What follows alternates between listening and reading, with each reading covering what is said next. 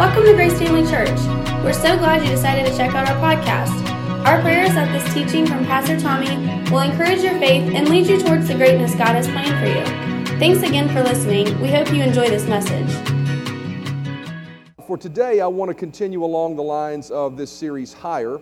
And today's lesson, everybody take a deep breath. Just take a deep breath and exhale. Go, ah.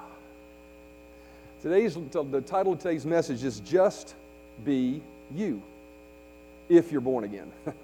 just be you. Look at your neighbor and say, Just be you. I want to talk to you about how to go higher in the things of God, and one of the keys is learning to just be you. And I'm going to talk about that a little bit. But Revelation chapter 4 and verse 1 says, uh, this is sort of our foundation verse and where the Lord took me to sort of uh, lead me into this series. Uh, Revelation chapter 4 and verse 1, we'll read this, then we'll pray. It says, After these things I looked, and behold, a door standing open in heaven, and the first voice which I heard was like a trumpet speaking with me, saying, Come up here. Everybody say, Come up here. It was saying, Come up here, and I will show you things which must take place after this. Let's pray before we get started. Father, thank you so much for your word. I thank you for the truth we find in your word.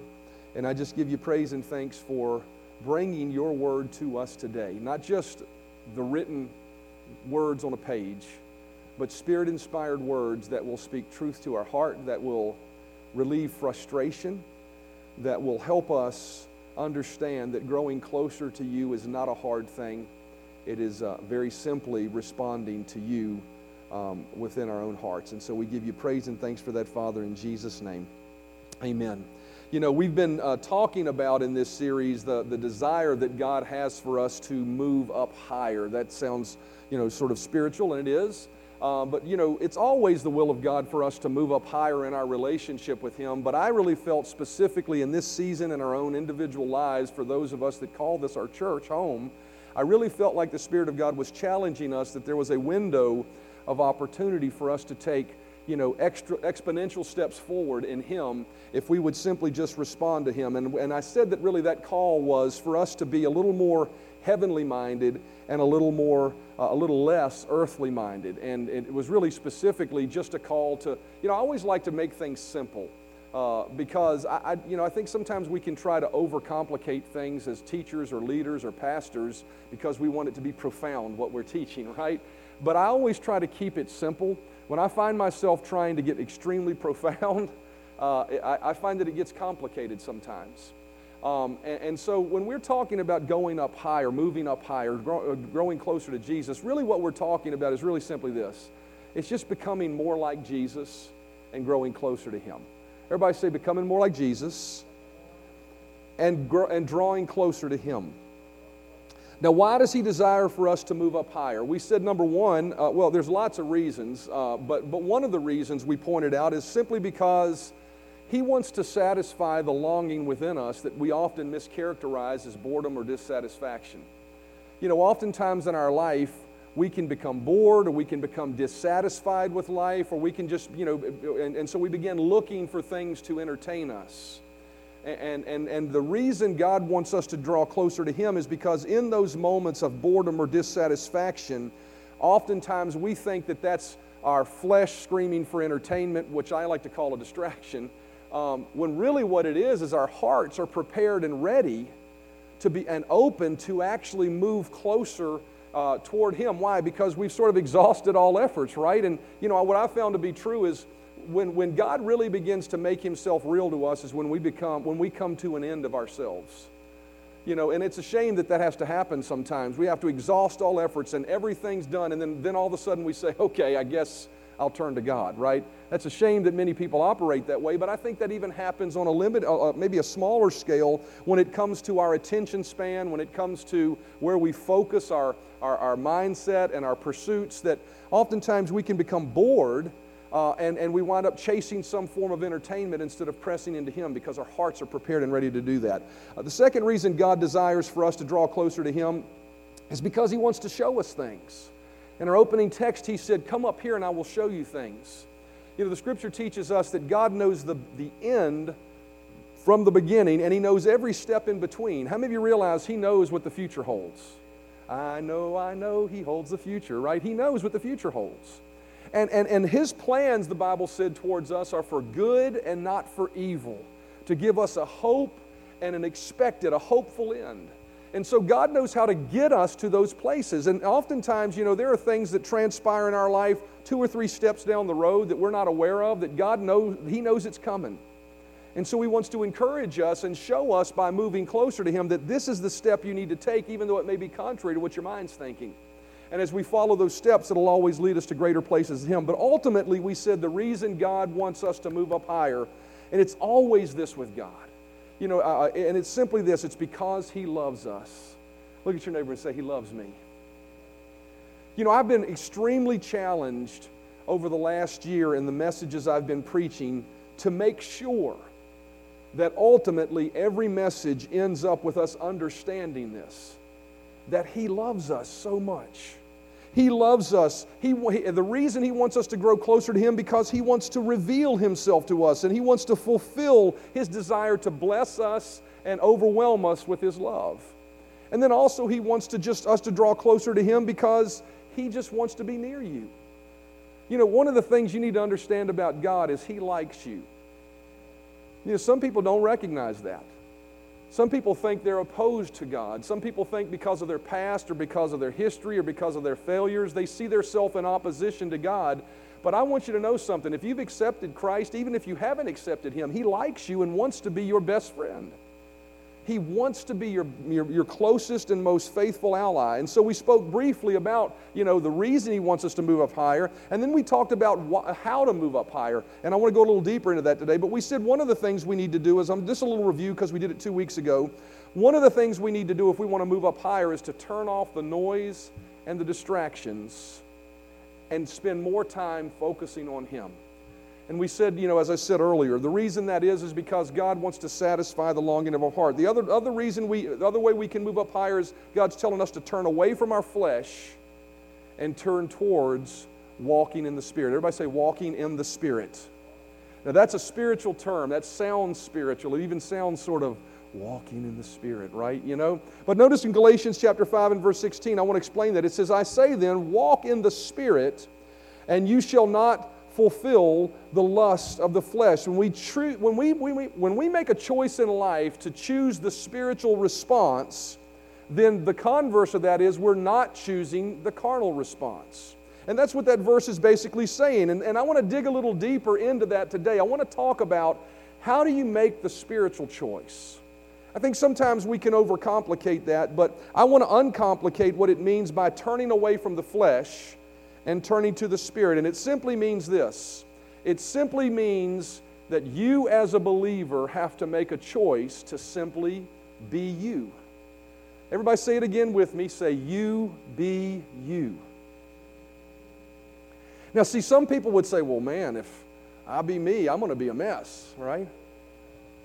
And it really depends on the perspective that you have. And so I said, you know, if you're going to move up higher in your relationship with God, you have to make a choice to be the real you. And, and, and when I say that, you have to understand that I'm speaking to you as if you're a believer. If you're here today, and I think we're all believers here, but if you're here today and you're not a Christian, then I would tell you don't be you. You need to make a change in who you are. Right? And we'll, we'll look at that in a moment. But the reality is, is that if you want to really move up higher in God, you have to make a choice to be the real you. Romans chapter 7, verse 18 and 21 and 23 sort of show us a picture of what I'm talking about. Paul is writing here, and he says, For I know that in me, everybody say, in me. He says, I know that in me, and then he qualifies it. He says, That is in my flesh, nothing good dwells. For to will is present, or, the, or the, uh, the, the, for, for to will is present with me, and how to perform what is good I do not find. So, what he's saying there, he says, I know that in my flesh nothing good dwells. Oftentimes I do what I don't want to do. How many of you oftentimes do what you don't want to do? We all do, right? And what Paul is saying here is this He says, I want you to understand that what the part of me that is accomplishing that, the part of me that is making that choice, to do what I don't want to do is not the real me. Now, some people say, well, that's a cop out. No, it's not, because we're going to see it in Scripture very clearly. When we make a choice to do what we don't want to do, the part in us that's craving what we don't want to do is not the real us as a believer. Paul says it here. He says, For I know that in me, that is in my flesh. So he note even in that verse we can see that he says, I know that in me, and then he qualifies my flesh. So there's the real Paul, and then there's his flesh. It goes on to say in verse 21, he says, So I find a law at work, although I want to do good, evil is with me. For in my inner being, everybody say, in my inner being, in my inner being, I delight in God's law. But I see another law at work within me, waging against the law of my mind and making me a prisoner of the law of sin at work within me. So notice we have three different pieces of who Paul is talked about in this verse. He said, My innermost being, the real me. He said, My flesh. And he said, My mind. Everybody say spirit. Everybody say soul. Everybody say mind. Paul talks about these three parts of himself. And as he talks about these three parts of himself, if we look at this properly and begin to understand how we're made up, we can begin to understand what I mean when I say for you to move up higher, you have to choose to be the real you.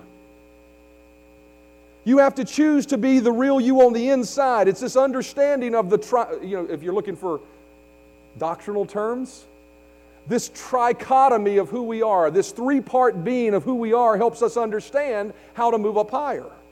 1 Thessalonians chapter 5 and verse 23 says, Now may the God of peace himself sanctify you completely. I want you to notice that word completely. Notice he's about to tell us what makes up who we are completely. He says, And may your whole spirit, soul, and body be preserved blameless at the coming of the Lord Jesus. Here we see Paul defining the three parts of who we are. And so, what I want to do is, before I talk about and really get to the, the end point of this message, I want to do a little teaching for you today. I want to do a little bit of teaching about the three parts of who we are so that we understand who we are and so that we recognize how we can move up higher in Him, how we can become more like Jesus, how we can experience more of Jesus, and how we can experience more of His blessing and purpose in our life. So, the first part that we see that Paul talks about is the Spirit there in that verse. He actually lists them in order of importance. He says the Spirit, the soul, and the, and the body. And so, first of all, the Spirit. The Spirit is the real us, and it's where our will resides. It's where our will resides. It is our inner self. It is, you know, the deepest part of who we are. You ever had a situation in your life where I just said, you just said, you know, I got a gut feeling about that. And it turned out to be right? That's the voice of your spirit. That is the real you. That is your spirit. You ever done something wrong and even while you were doing it, something on the inside was just scratching you, just scratching at you saying, don't do that, don't do that. You ever been there, done that? That's the real you. That's your inner self. And that's the part of us that will live forever. Hebrews chapter 9 and verse 27 says, And it's appointed for men to die once, but after this, the judgment. When our body ceases to exist, we don't cease to exist. Whether you're a believer or not a believer, this is true. That when your body ceases to exist, you will stand and face a judgment. Our spirit, the real us, will stand before God and give an account on whether we've accepted Jesus Christ as Lord and Savior or not. For the believer, that promise is the promise of heaven. Uh, 2 Corinthians chapter 5 and verse 6 and 8 says, Therefore we are always confident and know that as long as we are at home in the body, we are away from the Lord. We are confident, I say, and would prefer to be away from the body and be at home with the Lord. So Paul points out that when, when we are not in our physical bodies, when, our, when we cast off our physical bodies, as a believer, you go to be in the presence of the Lord. And how much, uh, how much rejoicing is that, uh, or should that cause us at the time of the passing of a loved one? Certainly, we miss them physically. We miss being able to touch and hug and experience them. But what they, as a believer, they've graduated to their heavenly home. All pain, all suffering is gone, and they've entered into a realm of uh, just uh, satisfaction that you just can't, you cannot completely experience on this side of heaven. But for the lost person, the scripture tells us that is not the end result for their spirit.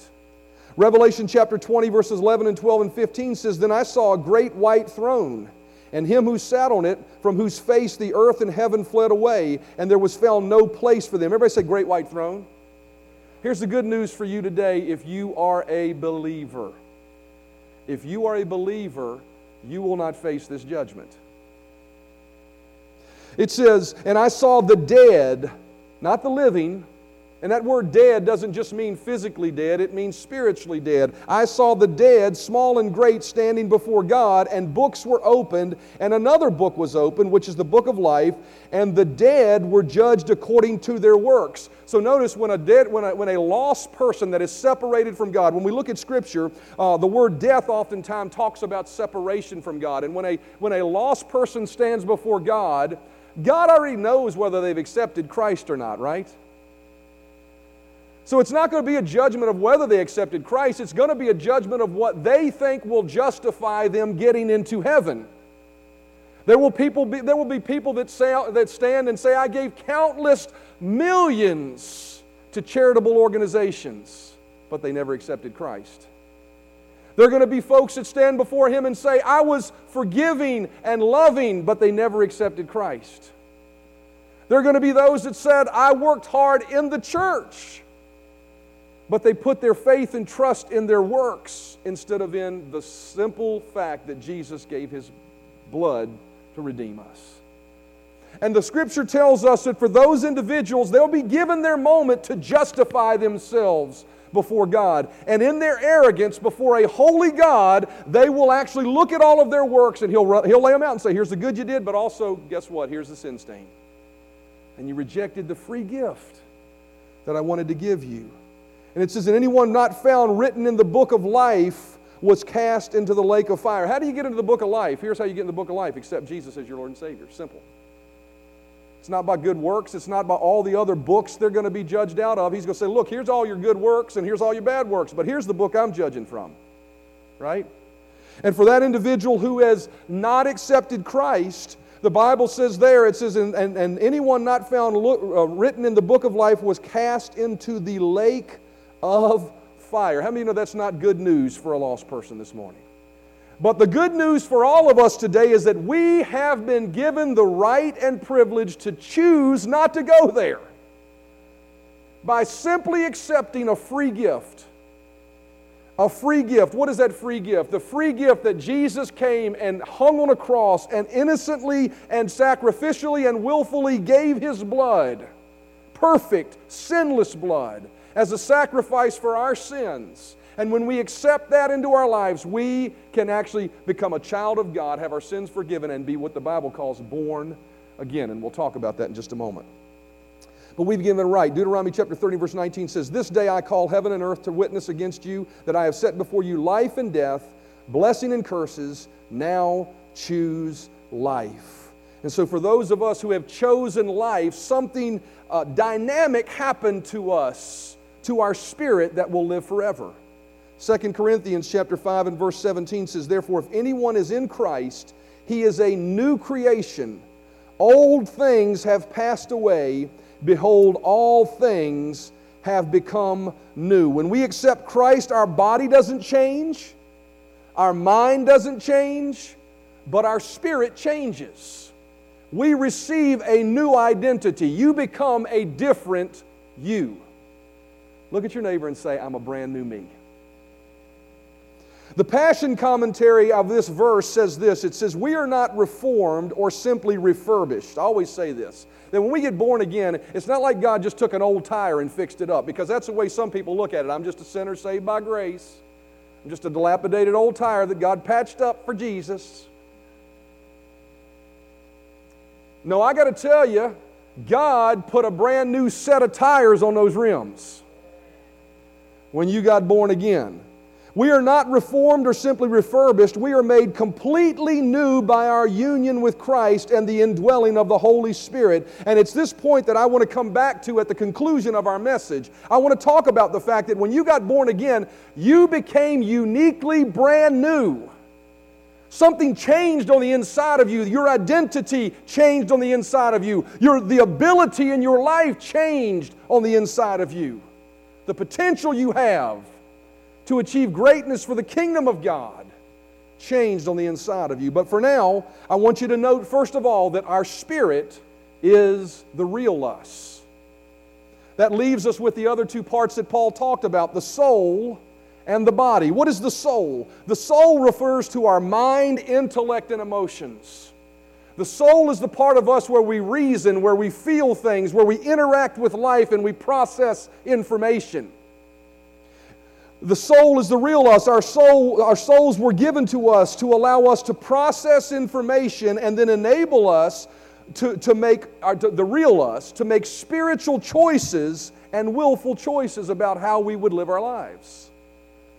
Yet most people never take the time to factor in the voice of their spirit when they're making decisions. Their decisions are simply based on what's going on in their soul, their mind, their will, and their emotions. They respond to the stimuluses of their mind, their intellect, and emotions. They don't possess their souls, their souls possess them. Their mind dictates what they'll do in life. If someone makes me mad and my mind responds that that makes me mad, then they're going to respond with anger. They respond out of their soulless realm. Their soul, I like to say, is operating as an autopilot where they, while they give very little time to spiritual things.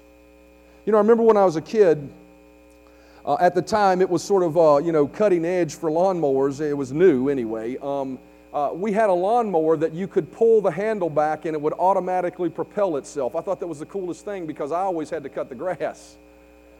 And dad got a lawnmower like that. It wasn't a riding lawnmower, it was just a push mower that had the, you pull the handle back and it'd take off. And, and, and one of the things I recognized that is if I just pulled the handle back and let it go, it'd go wherever it wanted to go unless I guided it.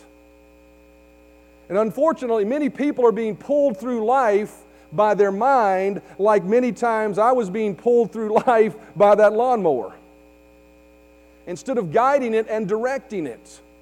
You see, your mind should not be the guide for your life. Now, some people may have a problem with that that are intellectual beings. Your mind certainly should be used in what you're doing. I'm not saying you should be uh, not develop your mind, and I'm not saying you shouldn't process information and weigh them against your spirit when you're making choices. But I, what I am saying is you should never make a choice out of your mind without looking to your spirit first and looking for direction. The problem with the living, living from and identifying yourself by what's going in your mind, on in your mind is that your mind changes. Your emotions change. Information changes. This is how we make rash decisions instead of solid, sound decisions. Living from your soul is where flying off the handle, emotional decisions, temporal decisions come from. Also, living from your mind is where intellectualism comes from. Everybody say intellectualism. What is intellectualism? It's making choices without spiritual truth. We've got a world full of people that talk about education and educating your minds and, and how important education is, and I agree with it. I'm, I'm watching thousands upon thousands of dollars be spent as my son's pursuing it. Education is important. But I will tell you, education at the expense of your spirit or not taking into account your spirit will turn you into an intellectual being that will limit the ability of God to cause you to rise to the levels He wants you to rise to. 1 Corinthians chapter 2 verses 4 and 5 says, "And my speech and my preaching were not with persuasive words of human wisdom, but in demonstration of the Spirit and power." Notice this that your faith should not stand in the wisdom of men, but in the power of God. Notice we're encouraged to allow things of the Spirit to factor into the decisions we make. See, if, if our decisions are always made by our intellect, then we'll live in fear, we'll, we'll draw back at times, we won't move forward at times. Why? Because we don't factor in that we serve a supernatural, miracle working God who's given us promises that say He can take us beyond our human limitations. We're encouraged to embrace the miracle working power of God when life's limitations are presented to our soul. We're encouraged to renew our minds to spiritual truth so that we can make those choices. Romans chapter 12 and verse 2 says, And do not be conformed to this world, but be transformed by the renewing of your mind, that you may prove what is that good and acceptable and perfect will of God. Do you want the good and acceptable and perfect will of God in your life? See, because you know, let me define that for a minute. If you don't know this, good and acceptable and perfect will of God is a good thing. and it doesn't just mean that you're just some holy, righteous person that never experiences excitement in your life. I'm talking about the real excitement in life, the real joy in life comes from following Jesus and letting Him do things and wow you beyond your own ability. And so we're encouraged to let our minds be renewed to the spiritual truth of God's Word, the spiritual reality that He's a miracle worker. We're told to possess our own souls and renew it. I have this in big bold letters, so it must be important. We will never enter into God's best life for us if we base our choices merely upon the stimulus of our souls.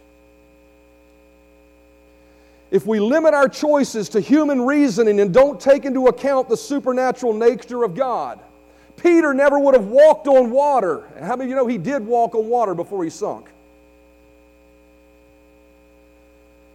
Multiple miracles throughout Scripture never would have happened had people leaned to their own understanding.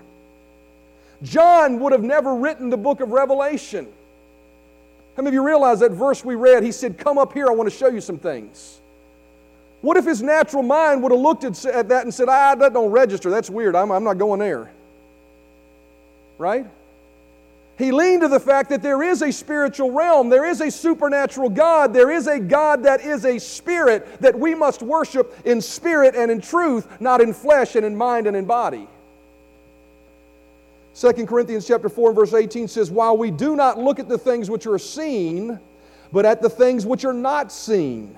For the things which are seen are temporary, but the things which are not seen are inter- eternal. We are encouraged to consider the spiritual truth of God's Word and the realities of God's Word in, in, in, included and mix it with our intellectual uh, knowledge. Right? Otherwise, you just got an educated person that lives their entire life based on their own human reasoning. And they miss out on what God would have for them. 2 Corinthians chapter 10 and verse 3 says, For though we walk in the flesh, we do not war according to the flesh. For the weapons of our warfare are not carnal, but mighty in God for the pulling down of strongholds, casting down arguments and every high thing that exalts itself against the knowledge of God. Notice this bringing every thought into captivity to the obedience of Christ. Our minds are not, to, not supposed to be rampant autopilot lawnmowers running all over the flowers in our life, right? It says every thought. That means when, when we're thinking in our lives, we need to stop and pause for a minute and measure it against wait a minute, these are my thoughts, and this is the tool God's given me. But am I just going to let the tool run on its own, or am I going to look down into my heart now and say, God, this is who I am. This is where you live. What decision, what choice do you want me to make? We need to measure that. And then the last part of our, our, our makeup is our body. Everybody say our body you know, I used to teach kids. I taught kids for 10 years. Um, some of the curriculum we teach the kids is, is curriculum I've written back there. And one of the things that we talk about is this three part of who we are so kids understand that. And, and I've always said that our body is our earth suit. Everybody say, My body is my earth suit. You know, if you go to space, you got a space suit, right? Here on this planet, you've got an earth suit, and it is your physical body. It's not the real us because it's not eternal. 2 Corinthians chapter 4 and verse 6 says, Therefore we do not lose heart. Even though our outward man, speaking of our body, is perishing, yet the inward man is being renewed day by day. Our bodies, by the sheer force of living on a, a planet that is not completely redeemed yet, right? God hasn't come back and completely set up kingdom here. There's still a God of this world running around trying to wreak havoc. Because of that, our natural bodies don't last forever. I always like to say they have an expiration date, right? We're redeemed from sickness, we're redeemed from disease. But what this verse of Scripture tells us is that because of the sheer force of the curse of the law upon the planet, planet our bodies degenerate over time. Doesn't mean we have to become weak, doesn't mean any of those things, but there is an expiration date for life. You know, the Bible says the number of a man's days shall be 120 years. In Psalm, it says that he will give you, he'll satisfy you with long life. You have the opportunity to believe to be here for as long as you desire to be here. Paul said, I don't lay down, I don't, uh, no man takes my life from me. I lay it down when I'm ready. Taylor talked about how her grandfather passed away this past week, and one of the last things he said to his grandma was, I'm ready to go home. I'm going home. I'm going home now. And he passed very shortly thereafter. We have a right as believers, even though our bodies are diminishing, to stay here as long as we want. But the reality is that our bodies don't last forever. At some point, we will cast them off. You know, even if Jesus returns uh, in the next instant and you don't die physically, you're still going to cast off this natural body. Do you know, even for a lost person, that's the case?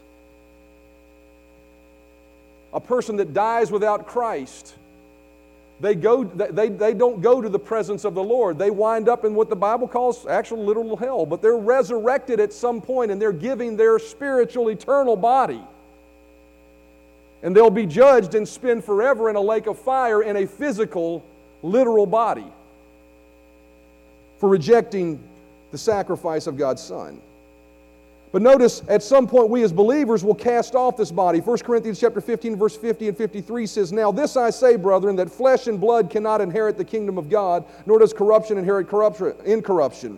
For we will discard our mortal clothes, speaking of our bodies, and slip into a body that is imperishable. What is mortal now will be exchanged for immortality. There will come a day when we are re- reunited with our physical bodies, but they won't be flesh and blood bodies they will be flesh and bone bodies that have a supernatural character to them that they don't have right now. See, Jesus, you know, uh, it'll be very similar to the body. The Bible says when we see him, we'll be like him, for we shall see him, we shall see him as he is. How many of you realize when Jesus appeared to the disciples after he rose from the dead, his body was different than what it was prior to? Not only did it have scars in his hands, but the Bible says he walked through the wall and appeared to them. You're going to have a material, this just, just blows your mind about God. You ready to have your mind just blown for a minute? We're going to have a physical body that actually can walk through a wall and still be a physical body. Jesus ate fish, but the fish didn't fall out, but he walked through a wall. See, we're going to have supernatural bodies, and so our real body right now is not the real us. And so the point I'm trying to make is, is that our mind isn't us, our body isn't us, but our spirit is the real us. The Spirit is the real us, and it's the place from which we're encouraged to live. So when I say you be you, I'm talking about learning to live from the real you on the inside of you. You know, oftentimes, and I talked about this with an individual before the service, oftentimes we define ourselves by our flesh instead of defining ourselves by our spirit. I'm so grateful for every recovery program there is out there, but a recovery program that encourages someone to define themselves by their flesh is not biblical. You are not, if you are a born again believer, you are not a drug addict. You are a spiritual being who has the greater one living on the inside of you that may have a flesh that screams really loud sometimes, but the real you, you are not an addict. And it goes for anything else in life. If you have anger problems, you're, you're not an angry person, you're just living by your flesh.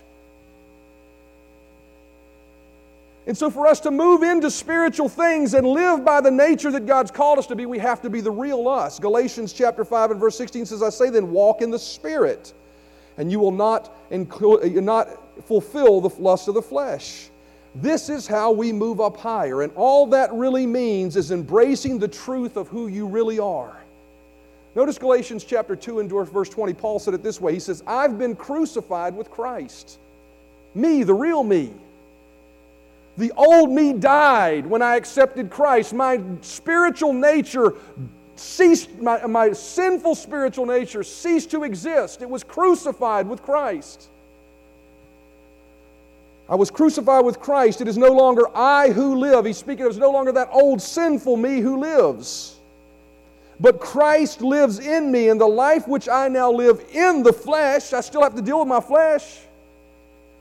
I live by the faith, uh, I live by faith in the Son of God who loved me and gave himself for me. Paul was saying that if I'm going to live the way God wants me to live, I have to identify with the Jesus part of me. I have to identify. That's why I said, simply put, this whole message, this whole series is about just becoming more like Jesus.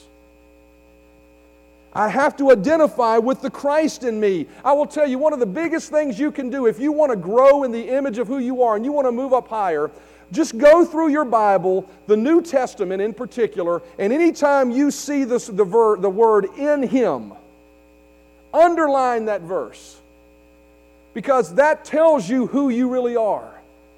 We are the righteousness of God in Him. We're not a sinner saved by grace. There are many multiple, we are overcomers through Him who loved us. All this really means is that we have to embrace our identity in Christ above what our soul says, above what our flesh is screaming, above what our circumstances say around us. How do you do that? Everybody say the believer's two step. Have you ever done any country dancing? Heard of the two step?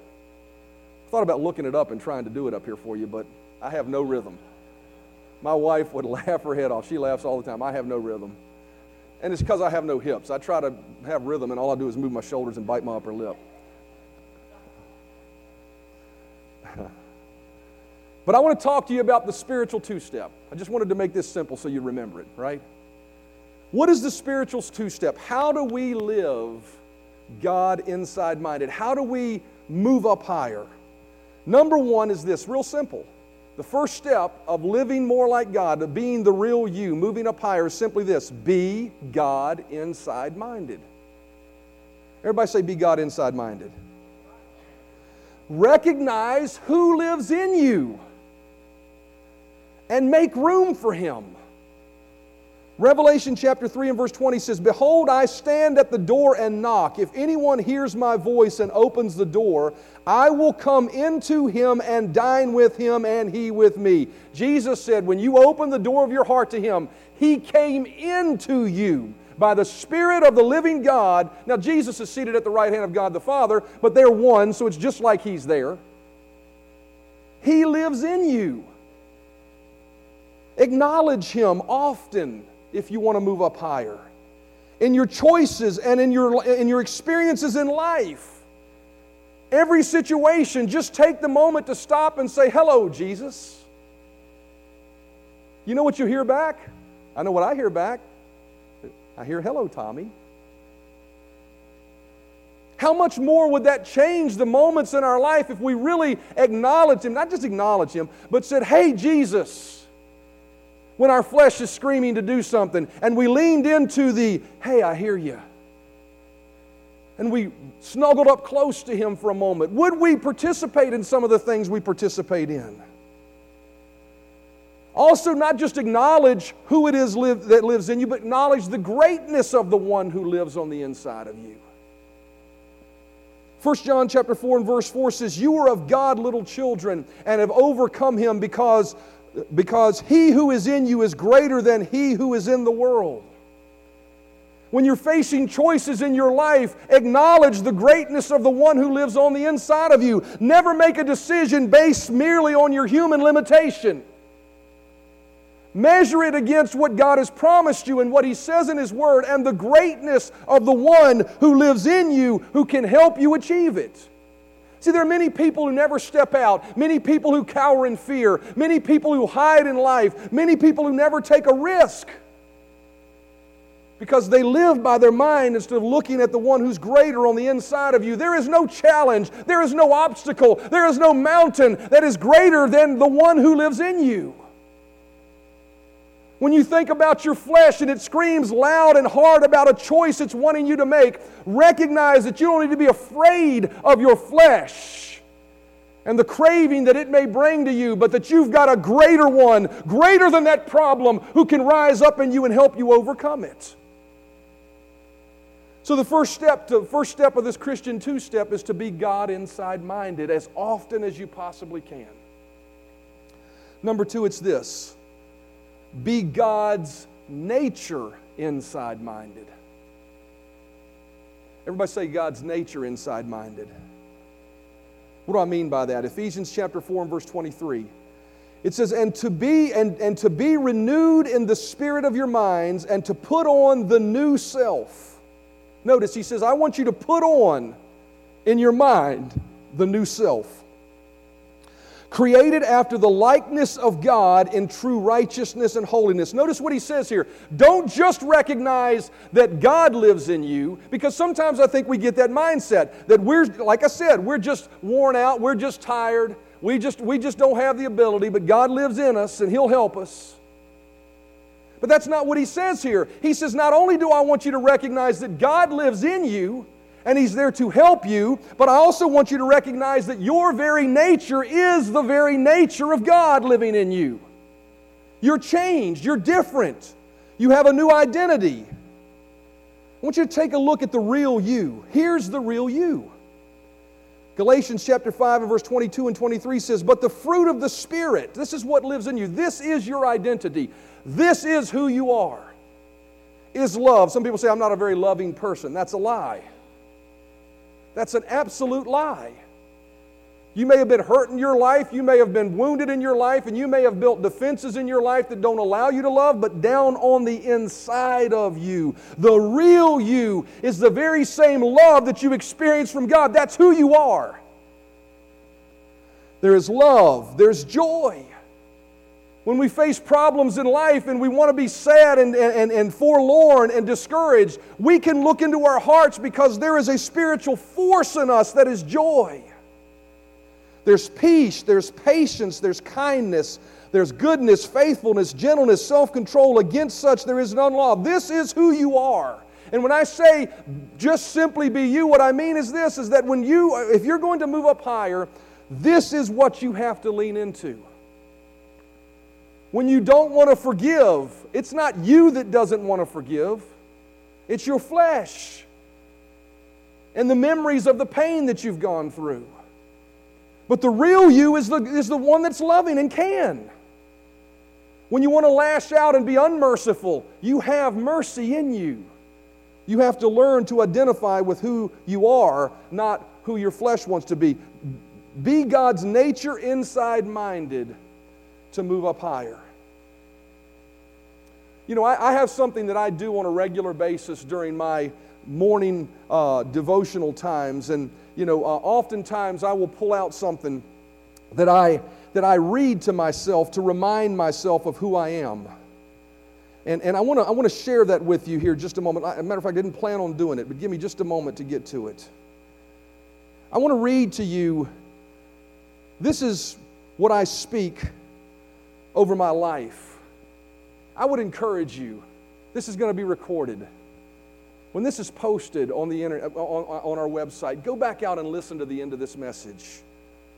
This is what I speak about my life because, regardless of the choices I've made, regardless of the mistakes I've made, regardless of the challenges I'm facing, regardless of the limitations I feel within myself because of the information that my mind is giving me, regardless of the challenges I face, because life is coming at me bigger and greater than I feel like I can face within my own self.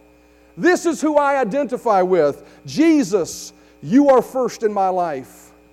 Thank you for the awesome sacrifice you paid for me. Help me never lose sight of that. I exist to serve and glorify you. That's the real me. I come to you today first to worship you. I worship you because you're God. There is none above you. You are my great, loving, merciful, gracious King uh, whose goodness extends to all, and you, des- and you are the desire of my heart more than, my, than, than anything else. I acknowledge Him within me. I come to you today placing a demand upon your power and provision that you have already made available to me. I thank you for wisdom. Here's who I am I thank you for wisdom, knowledge, and understanding, strength, health, vitality, creativity, love, mercy, and all the things I need to be successful and to glorify you. I put my trust in you and receive from your gracious hand this day. I love people. I believe the best about others and speak about the best of others. I can and will forgive. I am disciplined. Christ in me is stronger than the wrong desires of my flesh. I put my body under and present it today as a holy sacrifice to you. I guard the thoughts of my mind and the gaze of my eyes. I submit my tongue to the guidance of the Holy Spirit so that only pure, godly, and good things come out of my mouth. And I moderate my appetite to ensure a fit and healthy body. I'm growing closer to Jesus every day. Because of Jesus, my family is closer, my body is stronger, my faith is deeper, my leadership is sharper. I am creative, innovative, driven, and blessed beyond measure because the Holy Spirit dwells within me. I wake up with purpose, direction, and meaning every day of my life. I will not succumb to a complacent attitude. I will not waste time because time is the most valuable commodity that I have. I declare that the works of my hand is blessed in all that I do. My needs are not just met, I have superabundance above and beyond basic needs. I'm gaining influence and becoming more effective in touching others. My heart for blessing others and my vision for touching others is growing. Hang on, just shut down on me. I could actually probably quote it from memory if I wanted to. It's growing. Thank you, Jesus. That for, uh, thank you, Jesus, for a great day today as you lead me and guide me and help me become the person that you created me today. Today I will serve others. I will touch others with your word and make knowing you and furthering your kingdom my highest priority. I cast the care of this day on you. I refuse to let today be a worry day. Today is a faith and victory day as I agree with you and your promises and trust in your faithfulness. That is a picture of who I am. And it's a picture of who you are. You know, I will tell you something. I didn't just write those based on some thought that came to me. Every single one of those declarations about who I am are because the Bible and there's scripture to back it up says that's who I am. I'm not talking about a positive confession. I'm not talking about a positive self image. I'm talking about a God image because that's who He's made me. Revelation chapter 4 and verse 1, we'll close with this. Revelation chapter 4 and verse 1 says this. It says, After these things I looked, and behold, a door standing open in heaven. And the first voice which I heard was like a trumpet speaking with me, saying, Come up here, and I will show you things which must take place after this. I believe God is calling us to a higher place. How do we do that? In this series, what we've learned is that we have to turn off the noise and the distractions, the things that we call entertainment, that often rob us of becoming more God inside minded, growing closer to Him, spending more time with Him, letting His presence saturate us instead of some distraction. We do this become, by becoming God inside minded and making room for Him and acknowledging Him daily. And we do this by becoming God's nature inside minded. I pray today, and as we've talked about moving up higher in this series, that you will make spiritual choices to allow the real you to come shining through. Amen. Bow your heads with me. Father, I come to you right now in the name of Jesus, and I thank you so much for your word. I thank you for the truth we find in your word, and I thank you that you have called us to a higher place. You've called us to a place of in you, Father. It's not some spiritual nirvana that never impacts everyday living.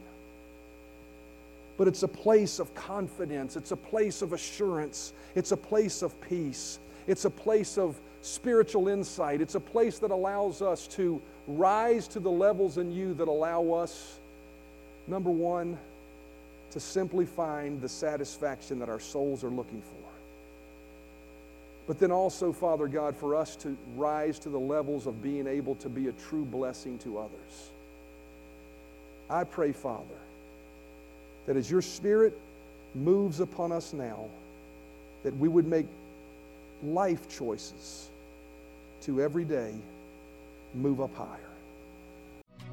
Thanks for listening to our Grace Family Church podcast. We hope you enjoyed this message. If this ministry has blessed you in any way, we would love for you to get connected. Just go to gfcva.info for more information about who we are, how to give to this ministry, or how you can get involved. Thanks again for listening, and we hope to see you soon.